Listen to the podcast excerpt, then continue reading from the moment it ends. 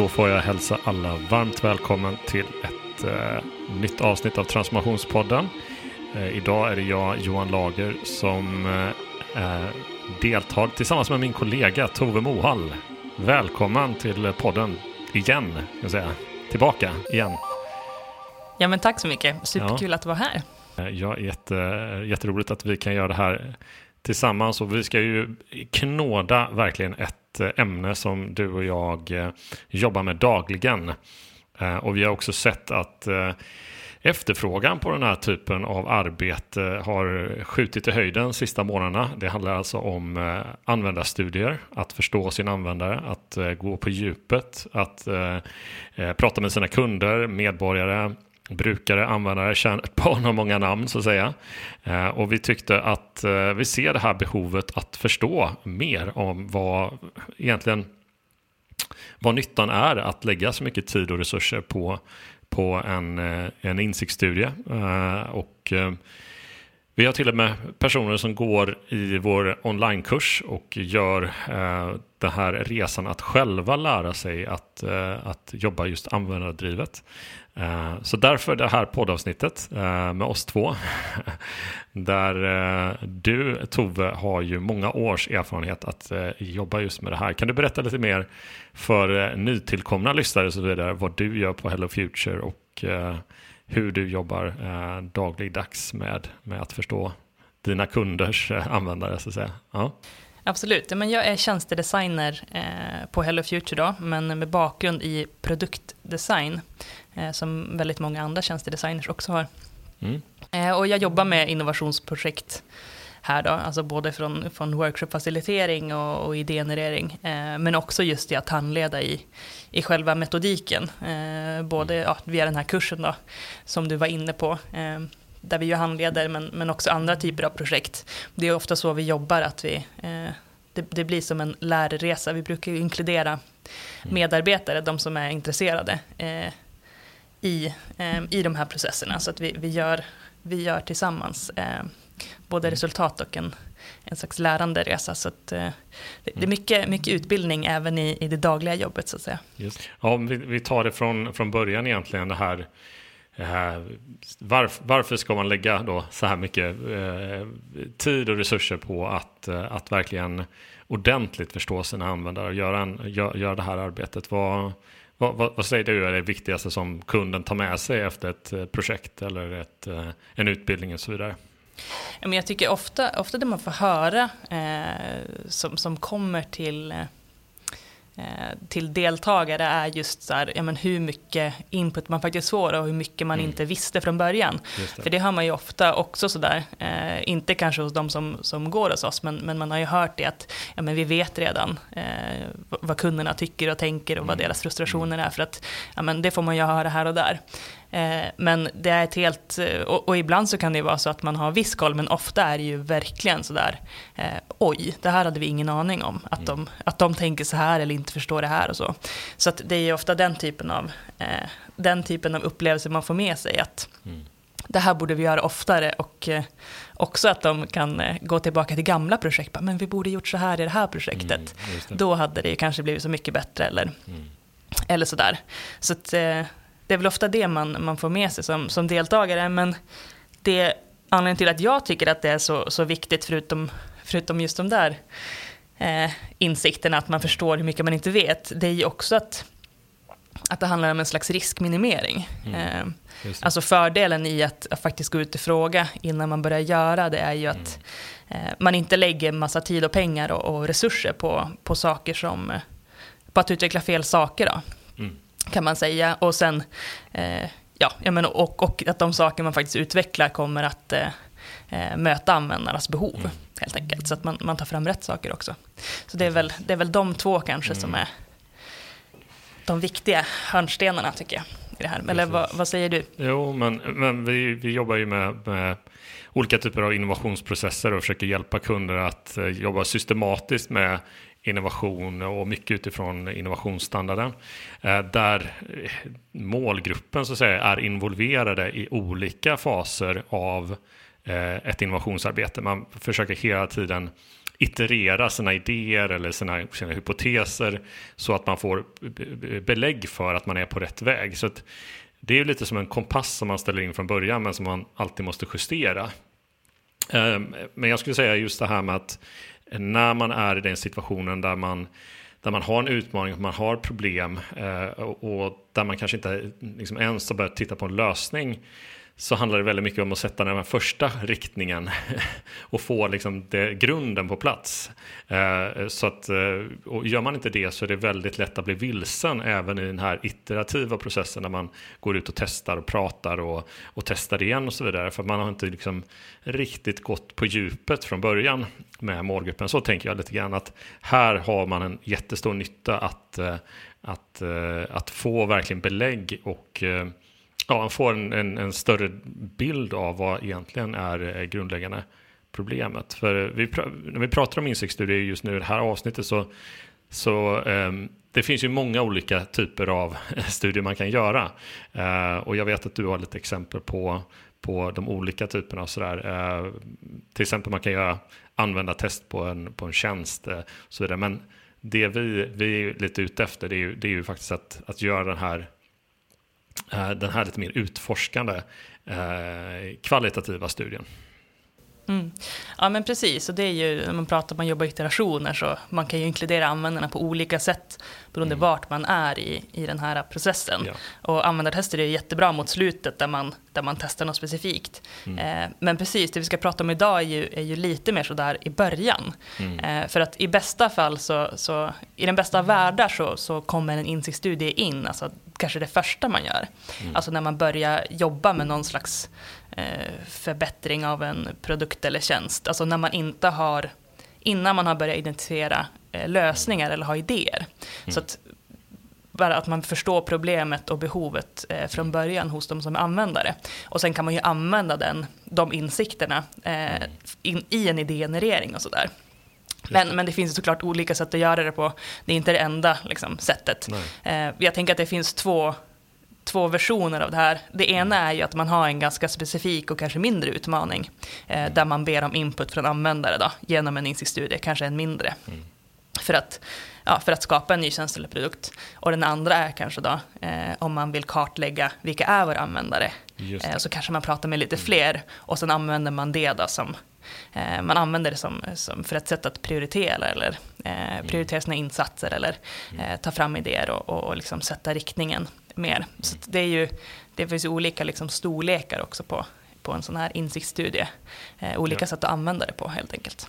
Ja, det är ju helt beroende på också hur stort ens utmaningsområde är, hur många det innefattar och eh, hur stora resurser man har just för det naturligtvis. Men eh, vi ser ju verkligen en nytta att, eh, att göra det här, få det på plats. Så ibland så märker man ju många organisationer som vi pratar med och så vidare, där det sitter mycket kunskap om användarna eller sina, sin målgrupp som sagt i, i, i väggarna i kulturen. Man, man har eh, uppfattningar men man kanske inte har en, en samlad bild eller fått bekräftat vad det verkligen är. Och man märker också att den kunskapen som är internt, alltså man kanske har en självbild av sig själv att ja, men vi känner våra användare. Vi känner kunden väldigt väl här på det här företaget eller den här organisationen.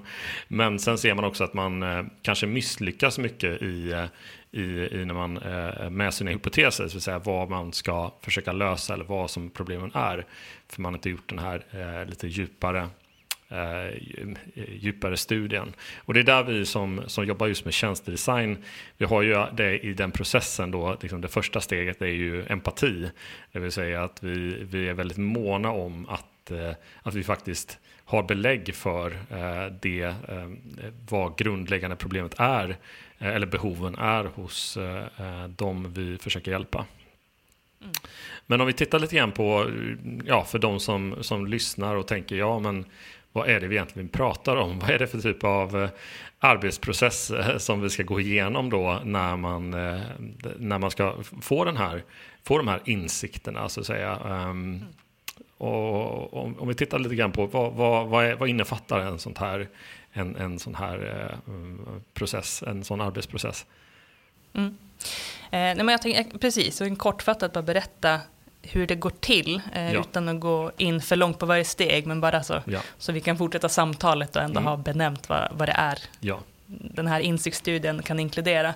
Eh, det börjar ju då med att man, man på något vis eh, definierar utmaningen, alltså vad är det för någonting man vill gå ut och lösa. Eh, och då, då kan ju det vara, jag vet inte, om man, man jobbar med bygglov, ja men okej, det är mitt arbetsområde, hur kan vi förenkla bygglovsprocessen eller jag vill förstå mer om hur, hur användarna upplever ansökan om bygglov till exempel. Det skulle ju kunna vara en, ett sätt att definiera ett, eh, ett utmaningsområde.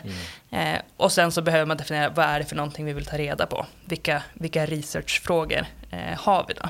Mm. Och sen också vilka borde jag prata med? Eh, för det, det är också så, det beror ju Ja. på liksom, är, eh, vissa målgrupper är väldigt stora och andra är ju, är ju mindre eh, och sådär. Men att, men att bestämma vilka ska jag prata med och hur många har jag möjlighet att prata med och hur många tror jag att den här utmaningen kräver. Mm. Och sen så är det ju, eh, ja, man, man, eh, beroende på vad man ska göra, det finns ju många olika sätt Mm. att få data. Eh, en klassiker är ju eh, semistrukturerade intervjuer, att man, Ja. ma- man skapar ett intervjumanus och, och pratar med folk. Eh, andra metoder kan ju vara observationsstudier, eh, där, man, där, man går, där man helt enkelt eh, skuggar eller Mm. följer med de personerna för att, för att se hur de löser en viss uppgift eller gör ett visst ärende eller vad det kan vara. Ja. Man kan skicka med dagböcker eller eh, alla, alla eh, fokusgrupper kan ju också vara sådär. Men att, eh, att samla in eh, data över, eh, över tid och, och vara med där man Mm. behöver kan ju vara liksom bra sätt att få in data. Och det beror ju helt på vad det är för någonting man ska undersöka såklart. Mm. Så det är liksom, eh, man samlar in data helt enkelt på, eh, på lämpliga sätt beroende på vilken utmaning man, man sitter med. Eh, och är det så att man ska göra intervjuer så finns det ju väldigt mycket att säga om hur man gör bra intervjuer. Eh, jag vet inte om vi kommer in på det senare, det kanske vi gör, men då kan vi ta det då. Ja.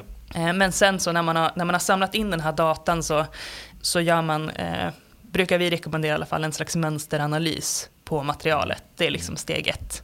Så att det blir visuellt. Och vi, vi har ofta gjort det på någon slags digital whiteboard. Eh, det är också en pandemieffekt men det är också väldigt Ja. effektivt Mm. eh, faktiskt. Ja. Där man helt enkelt sorterar, alltså man, man har ju då från början intervju för intervju, men man, man börjar sortera det och le, hitta teman i materialet. Alltså man gör en slags klustring där man delar in det kanske i men, en frustration som, som man hittar att flera har upplevt. Då sätter man det på samma och döper det till någonting och sådär.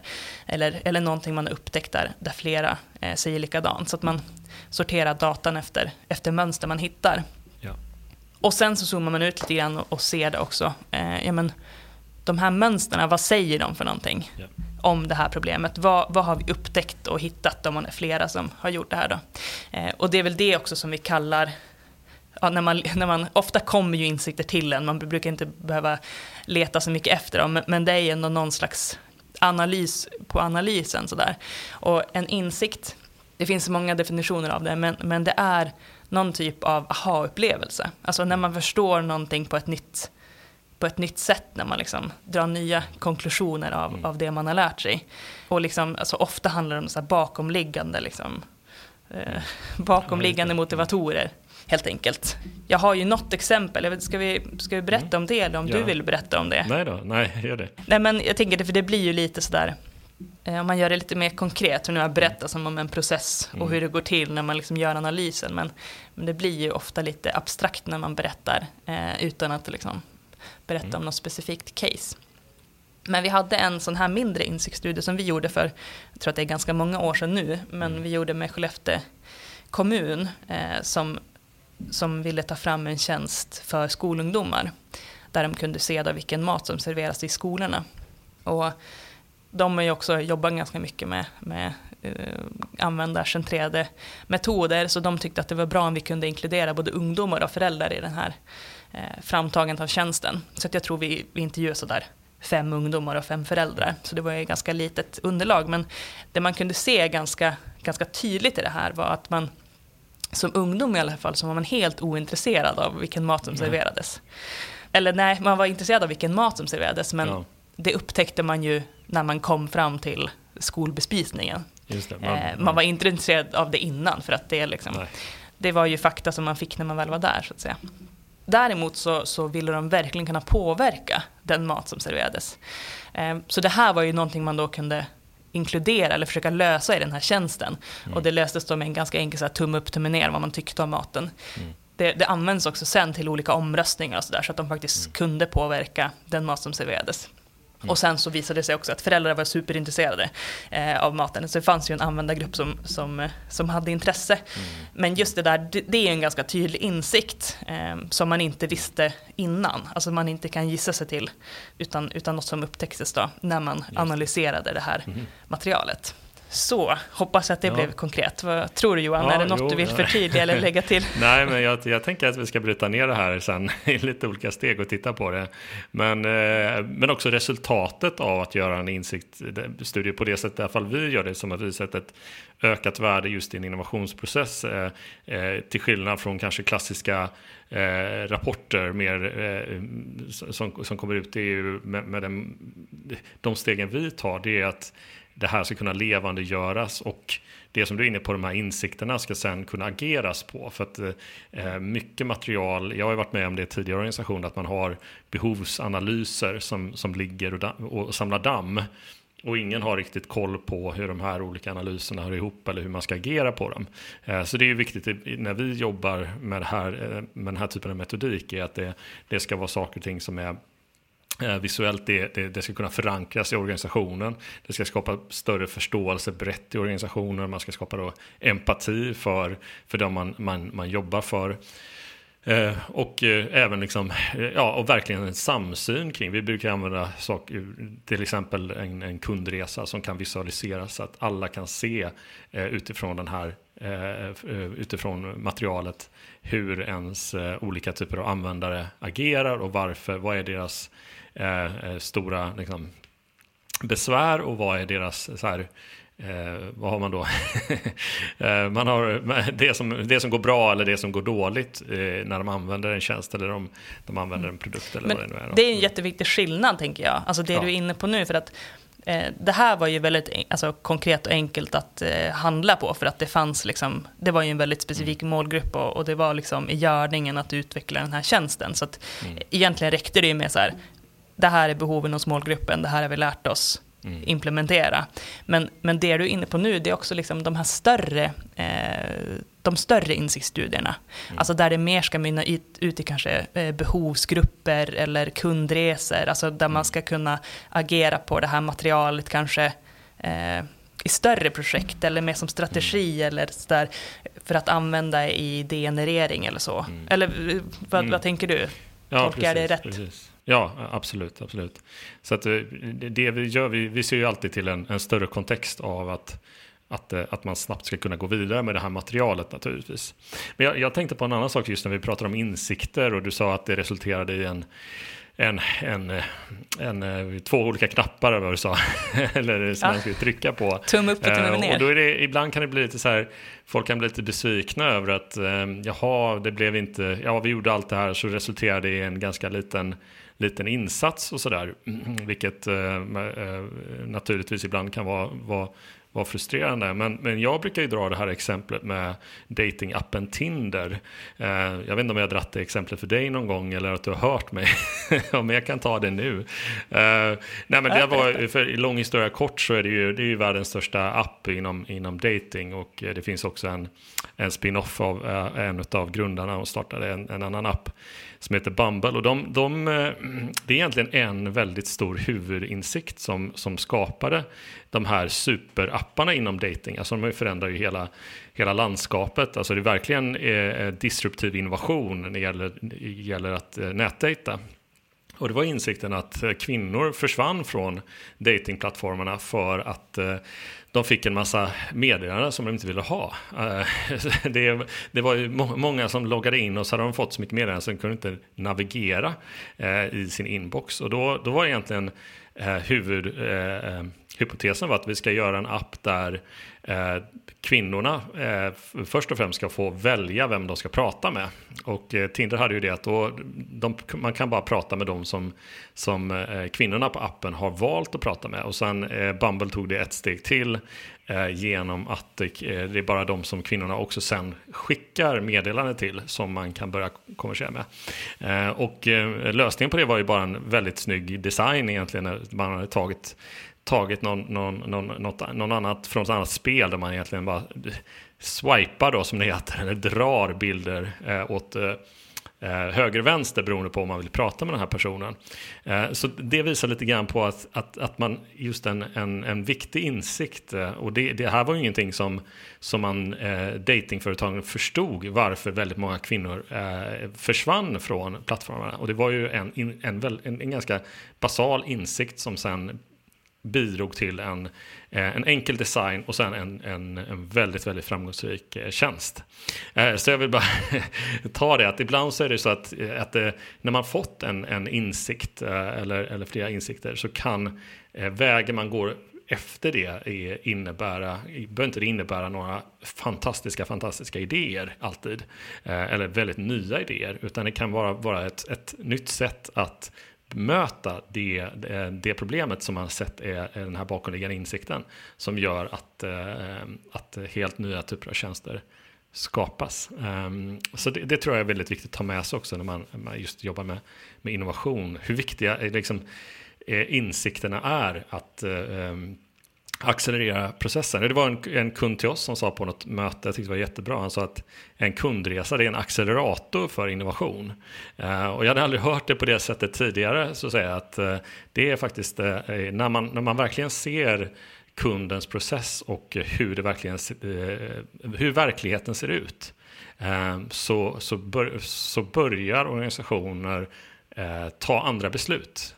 Alltså man börjar fatta andra beslut, man börjar eh, man börjar vara kreativ inom andra områden än man kanske varit innan. Eh, och det gör också att du får en helt annan dynamik i innovationsarbetet. Ja. Ja, men super, superintressant. Nej, jag hade inte hört den Tinder-historien, men jag kan, ju, jag kan ju verkligen förstå eh, behovet. Eh, Ja. Absolut, ja, men super, superspännande. Ja. Eh, men, och det, bara tillbaka till den här tjänsten, alltså nu, det här ja. kan ju inte jag veta, men jag tror ju inte att, alltså för den här blev ganska välanvänd då bland ungdomarna. Eh, nu har jag, vet jag inte hur, hur använd den blev, men min hypotes är ju att de inte hade använt den om det bara hade stått vilken mat som serverades. Jag tror att de använde den för att de kunde rösta i den, alltså och påverka. Utan, utan att veta. Sen tror jag som sagt att föräldrarna hade använt den ändå, för det kom ju fram i, i den här ja. insiktsstudien att de var väldigt intresserade. Men så det är ju också, det kan man ju tänka, för ofta är det ju så att man vill ta fram kanske produkter och tjänster för att man som organisation ser en vinning i det. Eh, ofta kan det ju vara så, ja, men, man vill förbättra sina e-tjänster kanske som offentlig sektor för att ja, men, det minskar handpåläggning om man får in liksom, digitalt och sånt där. Att liksom, digitalisera är ju liksom, eh, ett syfte i sig. Men man behöver ju också liksom, ge någonting ofta till användaren. Alltså vilket värde finns det för användaren? Mm. Eh, och det här blir också ett sätt att få in alltså få in användaren i rummet och förstå ja. vad behöver de. Eh, för ofta, de är ju liksom inte alltid då inbjudna i de här mötena eller workshopparna. Eller, eh, så att det blir att ge dem en röst på något vis. Mm. Eh, och, och, ofta finns det ju vinning i att förbättra för dem så förbättrar man för sig och så vidare.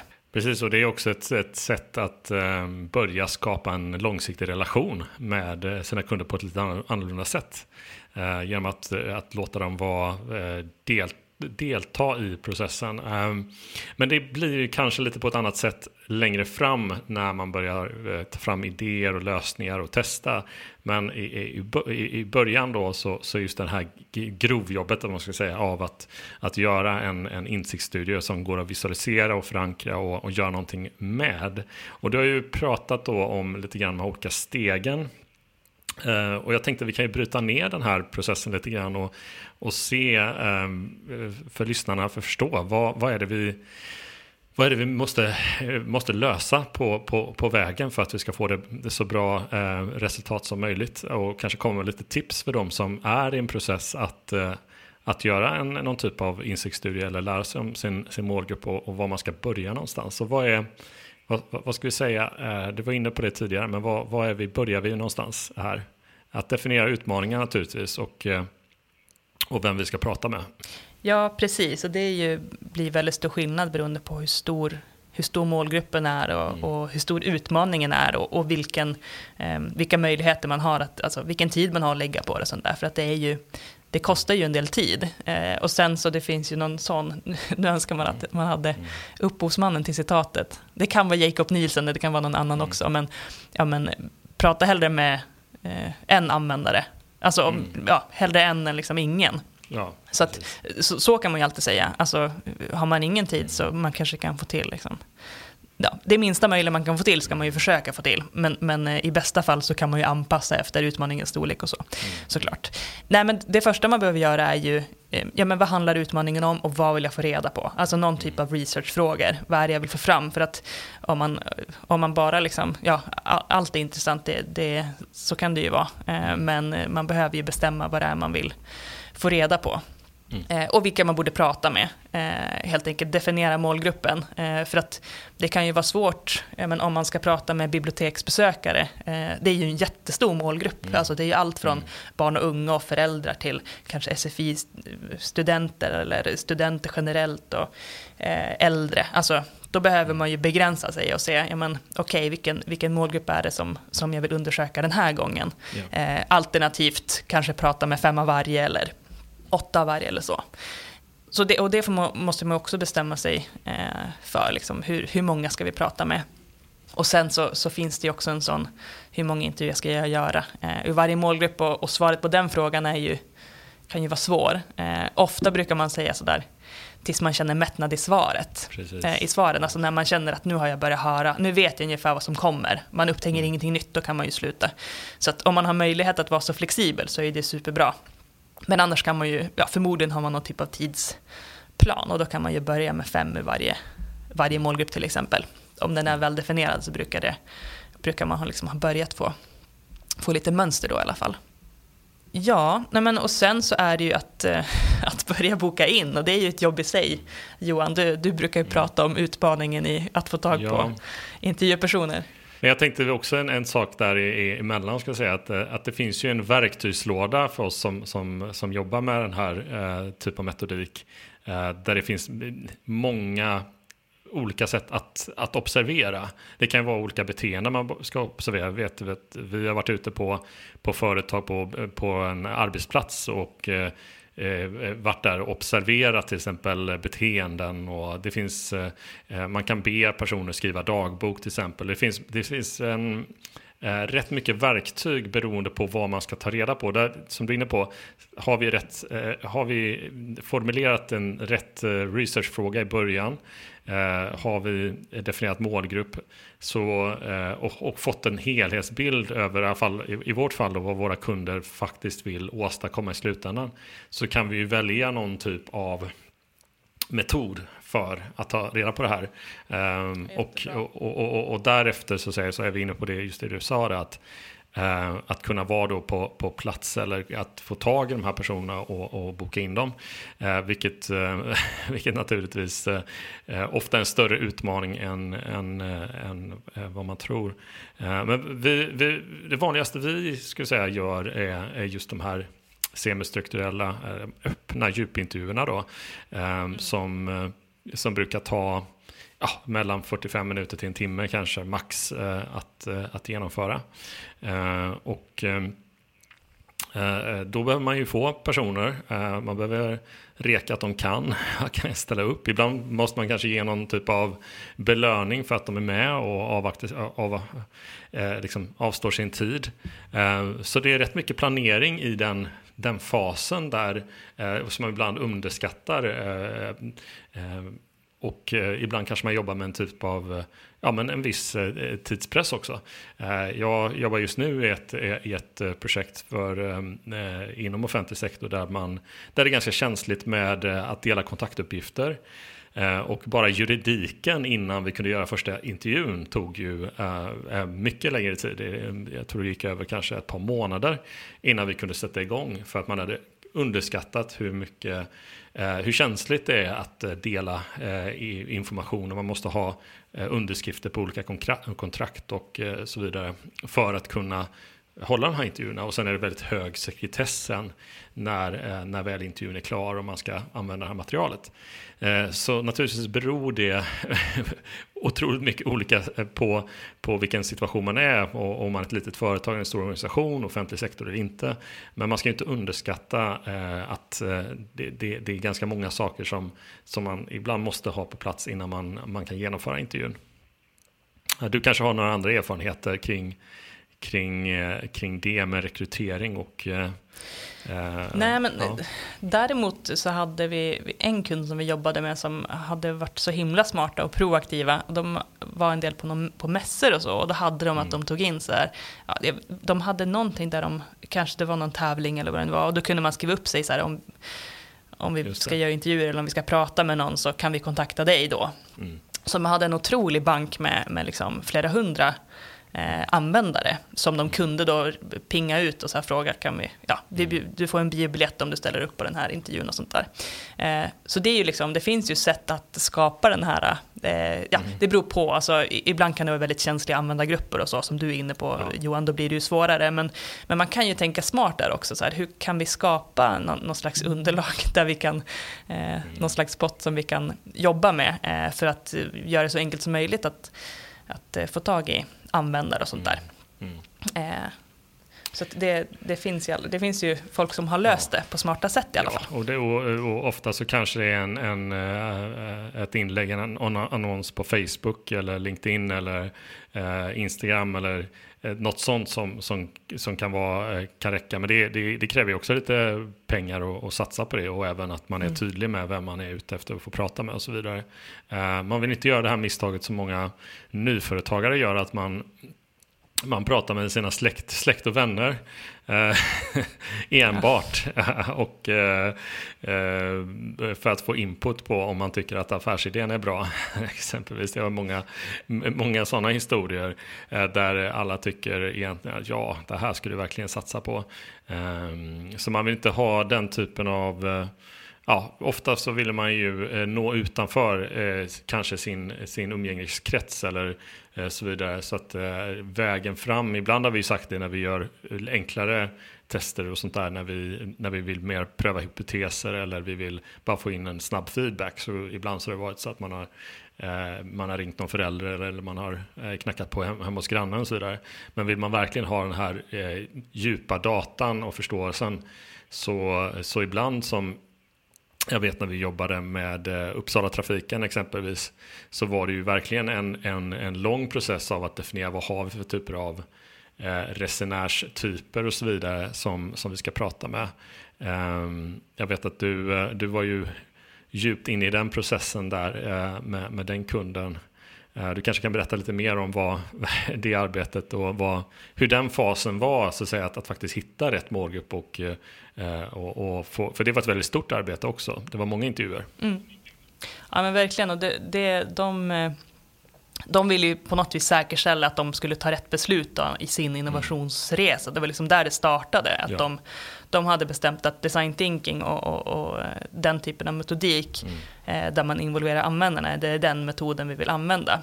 Så de ville helt enkelt börja, alltså verkligen där i början med, med, med användarforskning.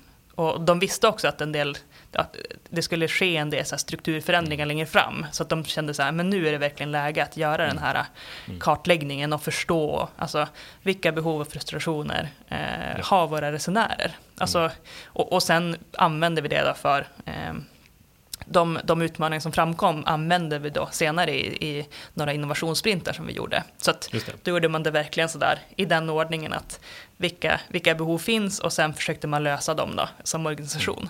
Mm. Eh, och det var ett ganska stort arbete. Alltså då, då tror jag vi gjorde, vi utförde 35 intervjuer i alla fall. Mm. Mm. Eh, sådär. Så det, och då resulterade det då i både, både personas och kundresor och alltså väldigt så visuellt material som de kan använda i, i sitt arbete på många olika sätt. Eh, mm, så det var, det var superkul. Och de var också, eh, det var väldigt många väldigt många av dem som deltog också, alltså genomförde intervjuer och var med i alla workshoppar och sådär, så, så det var också som en lärande, lärande resa. Eh, mm. Vilket ju också gör att man förankrar också de här, eh, de här insikterna väldigt ja. så här, djupt i organisationen. För att är man med och tar fram och pratar med sina mm. användare så, så kommer den här empatin verkligen eh, på köpet. Mm. Ja, men det, det var en, en sån där intern insikt som jag hade på min gamla arbetsplats där det gjordes mycket behovsanalyser. Eh, att eh, vi, vi borde sitta med. Och det blev ju en helt annan fart på de studierna då när, när vi medarbetare också var med konsulten Eh, i de här intervjusituationerna. Men sen har vi då, vi, ja precis, vi, vi, vi, vi kommer tillbaka till det du sa där. Eh, vi ska, man ska genomföra intervjun eh, och då måste man ju komma väl förberedd till, till intervjun, eller hur? vad är man, vad är det, vad, hur är det du förbereder dig? Uh, utifrån att uh, vi har en problemformulering så är du, du ska göra ett manus. Uh, det finns lite annat att tänka på när man, man håller sådana här väldigt öppna intervjuer. vad har du för för tips eller vad du för att dela med dig av din, din arbetsprocess där Tove? Ja, men precis. Man, man har ju då de här researchfrågorna eh, och använder den som, som grund för att ta fram ett eh, intervjumanus. Mm. Och när man pratar om semistrukturerade intervjuer och djupintervjuer så, så är inte tanken att man liksom behöver följa det här manuset till punkt och pricka utan man vill ju att det ska handla om samma teman men intervjun ska ju också få ta en dit den behöver ta en. Alltså kommer man in på något intressant som man inte hade förberett så, så ska man ju undersöka det. För att det ska ändå vara så pass öppet att man har möjlighet att, eh, att låta den här intervjupersonen eh, dela med sig av frustrationer och behov som man inte visste fanns. Det är ju liksom en del av det här, att vara nyfiken.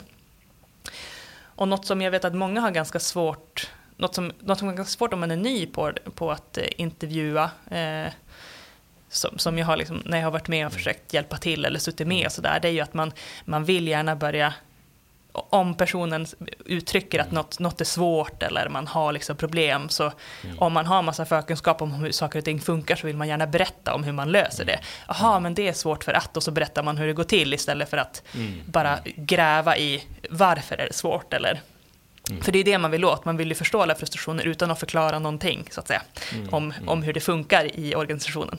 Eh, däremot kan man ju ta det så här efter intervjun, bara, du jag förstod att du hade de här sakerna som var problematiska, de kan jag hjälpa dig med. Men då, liksom, då är det helt utanför eh, intervjun, utan man ska vara som helt ett mm. blankt papper och lämna hela ryggsäcken med kunskap nästan mm. Mm. eh, bakom sig. Och det kan ju vara enklare som, som konsult sådär. Jag, jag förstår ju att det, det, är mer, det kan vara jobbigare om man, om man sitter på massa lösningar. Eh, men, men att det ska vara eh, de frågor som man har med sig in och de teman, att det ska vara liksom, såklart öppna frågor. Eh, ja, men beskriv hur eller berätta om och hur tänker du när. Och, eh, det finns ju jättemånga sådana eh, tips och tricks. Eh, en som är ganska bra brukar vara att eh, beskriv senaste gången du gjorde det här. Alltså att inte så berätta hur du upplever utan mer så här, de kan beskriva som ett skeende över tid brukar vara ganska ganska bra. Alltså man ber om ett specifikt tillfälle och, mm. och sådär. Eh, men sen att vara väldigt nyfiken på att försöka gräva där det är liksom intressant. Okej, okay, men vad var anledningen till det och hur kändes det och sånt där. Och sån här varför. Five whys är väl någon också. Det. Eh, det. kan vara, det kan vara utmanande ibland, men försöka få till några varför-frågor. Mm. Okej, okay, men varför gjorde du så? Eller? Just det. Eh, så det är väl några några tips och tricks i alla fall kring intervjun. Men sen mm. också ett annat väldigt konkret är ju vi brukar också alltid förbereda en debrief. Eh, och nu blir det ju ganska som tekniskt då, men, mm. men dels att man, man bokar, in, bokar in 45 minuter, en timme kanske för intervjun, mm. eh, brukar vara bra. Men också minst en halvtimme, 45 minuter efteråt. Så att man inte har intervjuer vägg i vägg. Har man haft fem mm. intervjuer i rad så, så minns man ju knappt någonting. Utan ha mm. tid att göra en debrief efteråt. Eh. Det vill säga, vi brukar, vi brukar faktiskt inte transkribera intervjuerna rakt av i Word eller så, utan vi brukar lägga in dem direkt mm. i en digital whiteboard, så att man delar upp intervjun i små post-it-lappar. Mm. Så kan man använda det direkt i, i mönsteranalysen sen. Eh, så kopierar man dem mm. och så kan man börja, börja plocka runt. Så det sparar väldigt mycket tid eh, när man gör det. Och sen så kan ju alla vara inne i samma, mm. samma whiteboard och sådär. Eh, så det är också ett konkret tips att boka in tid för efterarbetet direkt. Ja, det finns ju, vi, ibland så gör vi så också att vi spelar in intervjun eh, så man kan lyssna på den efteråt när man sen eh, transkriberar eller man, man, man plockar ut det som man har hört. Eh, man kan vara en person som antecknar, en andra intervjuar. Det finns många olika sätt. Eh, jag skulle också vilja eh, vara inne på det här med att eh, om man jobbar i ett, i ett sånt här utforskande projekt och man vill vara med och börja intervjua så, så ska man inte heller ställa krav på alla medarbetare i teamet att, att hålla intervjuer. Inte bara för att man kanske är, inte är tränad till att göra det, utan det, det har ju också med lite grann med vad för typ av, av personlighet man är bekväm med att sitta och intervjua. Och, Ehm, det, det, måste man ju ta, ta hänsyn till också.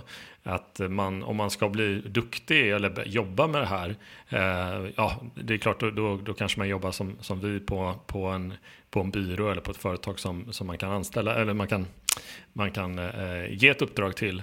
Eh, så handlar det om att man, har, man, man, man, man är en person som, som, är, eh, ja, som har utvecklat eh, ett eh, Eh, ett sinne för att lyssna och eh, för, eh, ja, man behöver ha en social kompetens i en en-till-en situation kanske. Och det, det är inte alla som, som kanske trivs, man, man trivs kanske i, i Eh, socialt sett i, i andra eh, konstellationer, eller man tycker det är det är lite konstigt att sitta och fråga ut och ställa frågor och så vidare.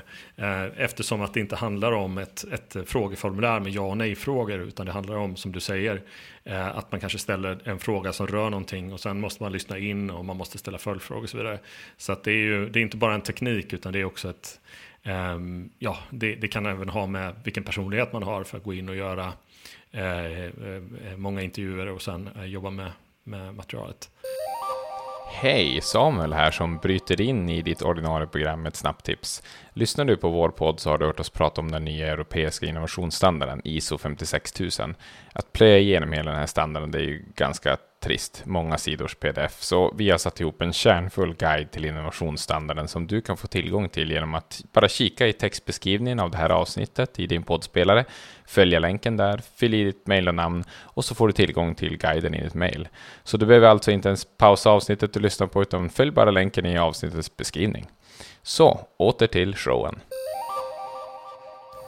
Ja, verkligen. Och det är ju, jag menar, och det är ju verkligen en, en kompetens som det känns som, det, man, kan ju, man kan ju läsa på såklart väldigt mycket innan mm. och man kan få massa mm. tips och tricks men eh, det krävs ju också att man har gjort mycket, alltså det krävs att man har gjort ja. många intervjuer innan man blir bra på att göra det för att ja. det finns så många, alltså man, man, möter så många olika personer, alltså allt från den som är mm. väldigt tyst och så behöver man mm. tekniker för att kunna liksom hantera det till personer som pratar som man knappt hinner ställa de frågor man har tänkt eh, och liksom ja. styra samtalet. Så att det är ju, och, och liksom, eller det, så gör jag i alla fall, att mm eh, ja, men om jag stöter på någonting nytt så får man liksom ta reda på, okej okay, men hur, nu gjorde jag så här, eh, finns det smartare sätt? Alltså det, man måste ju mm. liksom utveckla det där ja. eh, hela tiden, eh, känns det som. Ja. Och sen så tänker jag också, som du är inne på, alltså man ska ju också vilja göra det eh, och tycka mm. att det är intressant och spännande och vilja bli bättre på det. Eh, det mm. för att det känns också som eh, något som man ja, men alla vill inte vara, vara bra på det heller. Eh, och det handlar ju lite också om Absolut. personlighetstyp eh, och sådär. Så att det, ja, men det är jättebra. Och det tycker jag generellt. Jag tror att jag pratade om det på workshopavsnittet sådär att eh, man ska inte tvinga in folk i processer som de inte vill vara med i. Alltså man ska inte tvinga in någon i en idégenereringsworkshop heller. Eh, för det brukar inte bli bra. Nej, så det är ju... Nej, nej. men däremot nästa steg, alltså just mönsteranalysen.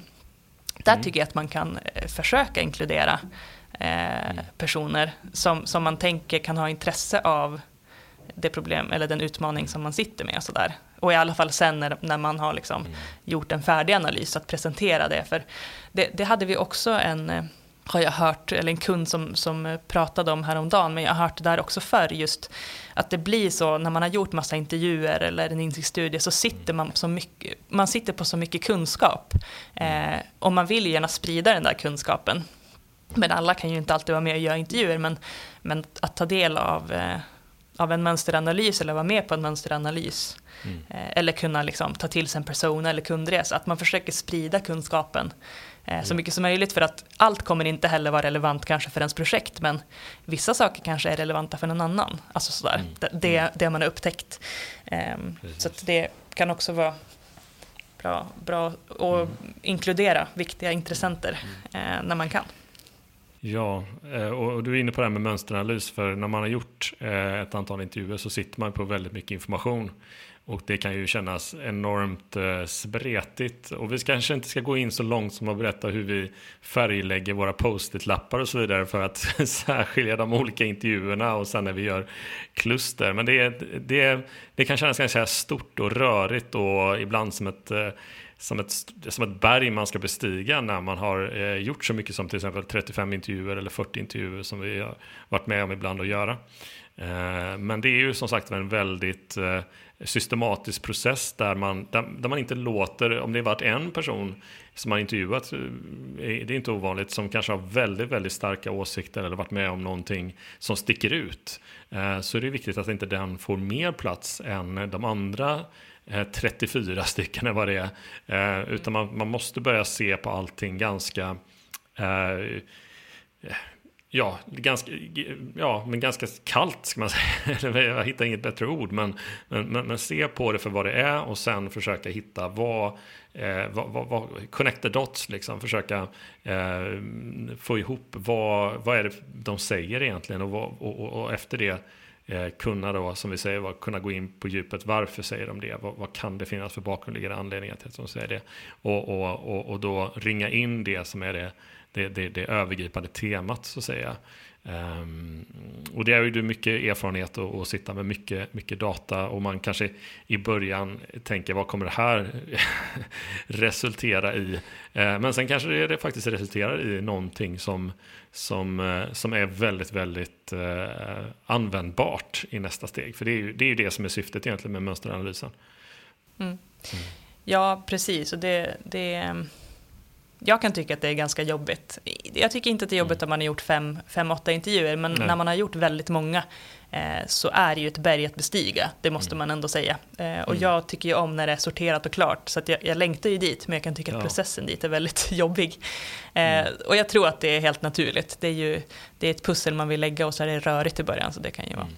beroende på hur man är lagd i och för sig så, så tycker man väl att det är mm, utmanande eller, eller jobbigt.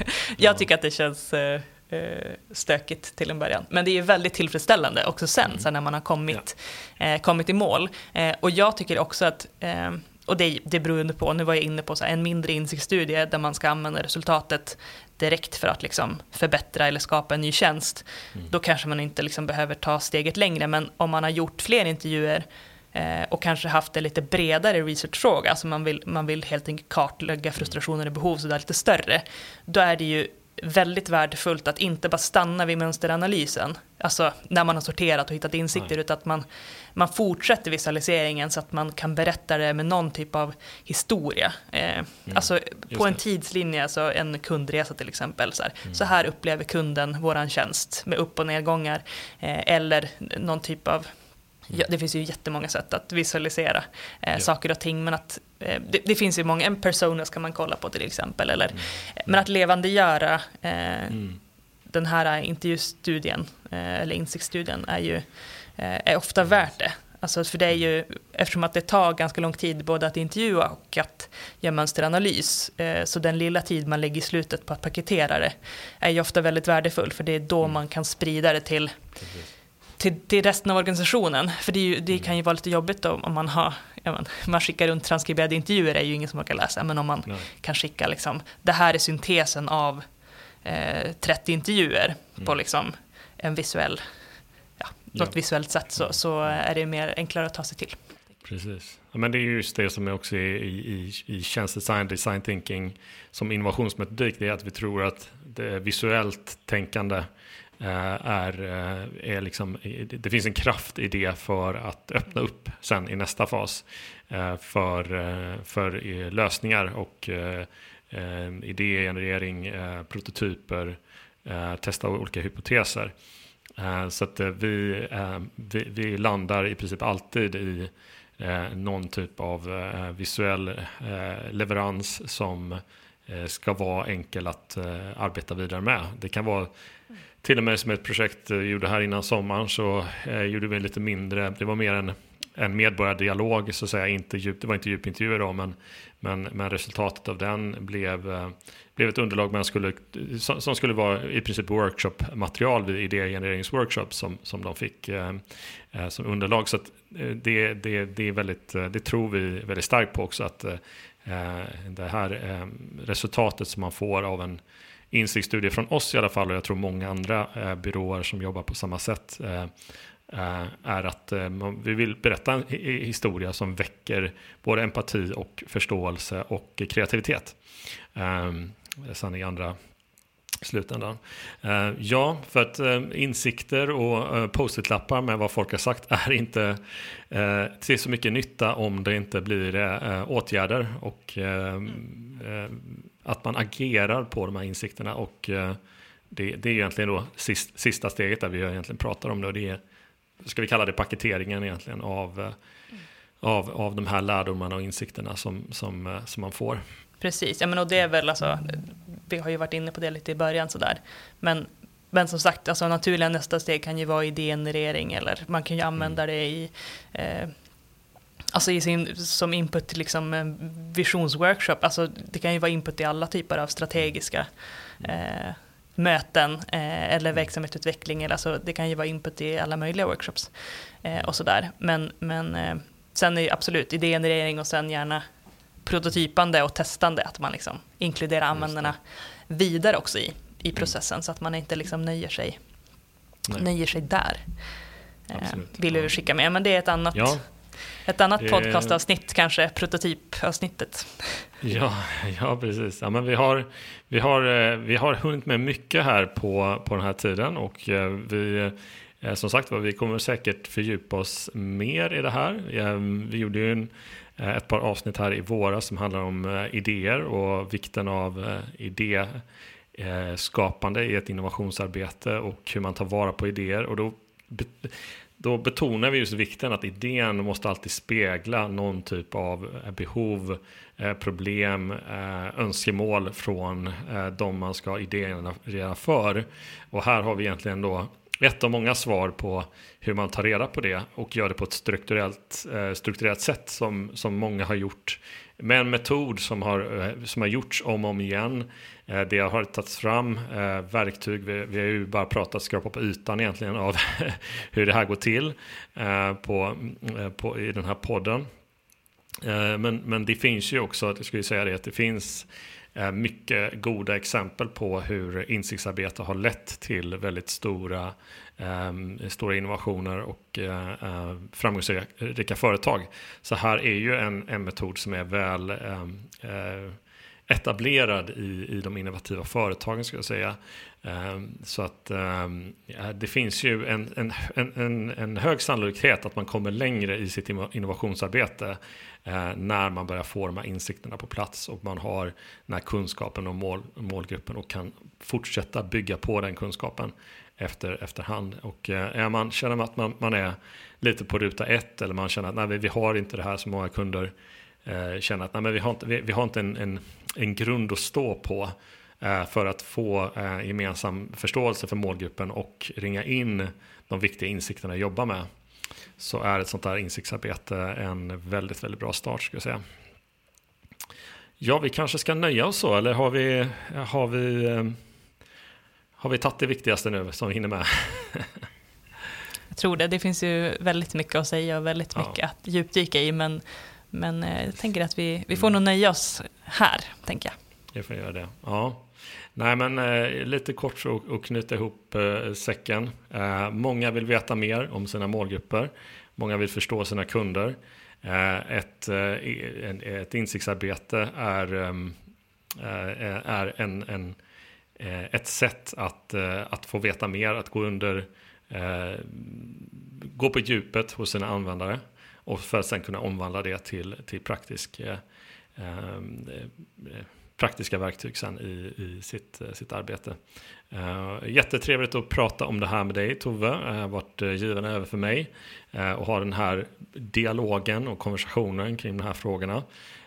Och um, vi gör så att det får bli lite samma sista orden för idag så ses vi snart igen. Tack så mycket själv Johan. Ha det så bra. Ha det bra. Hej.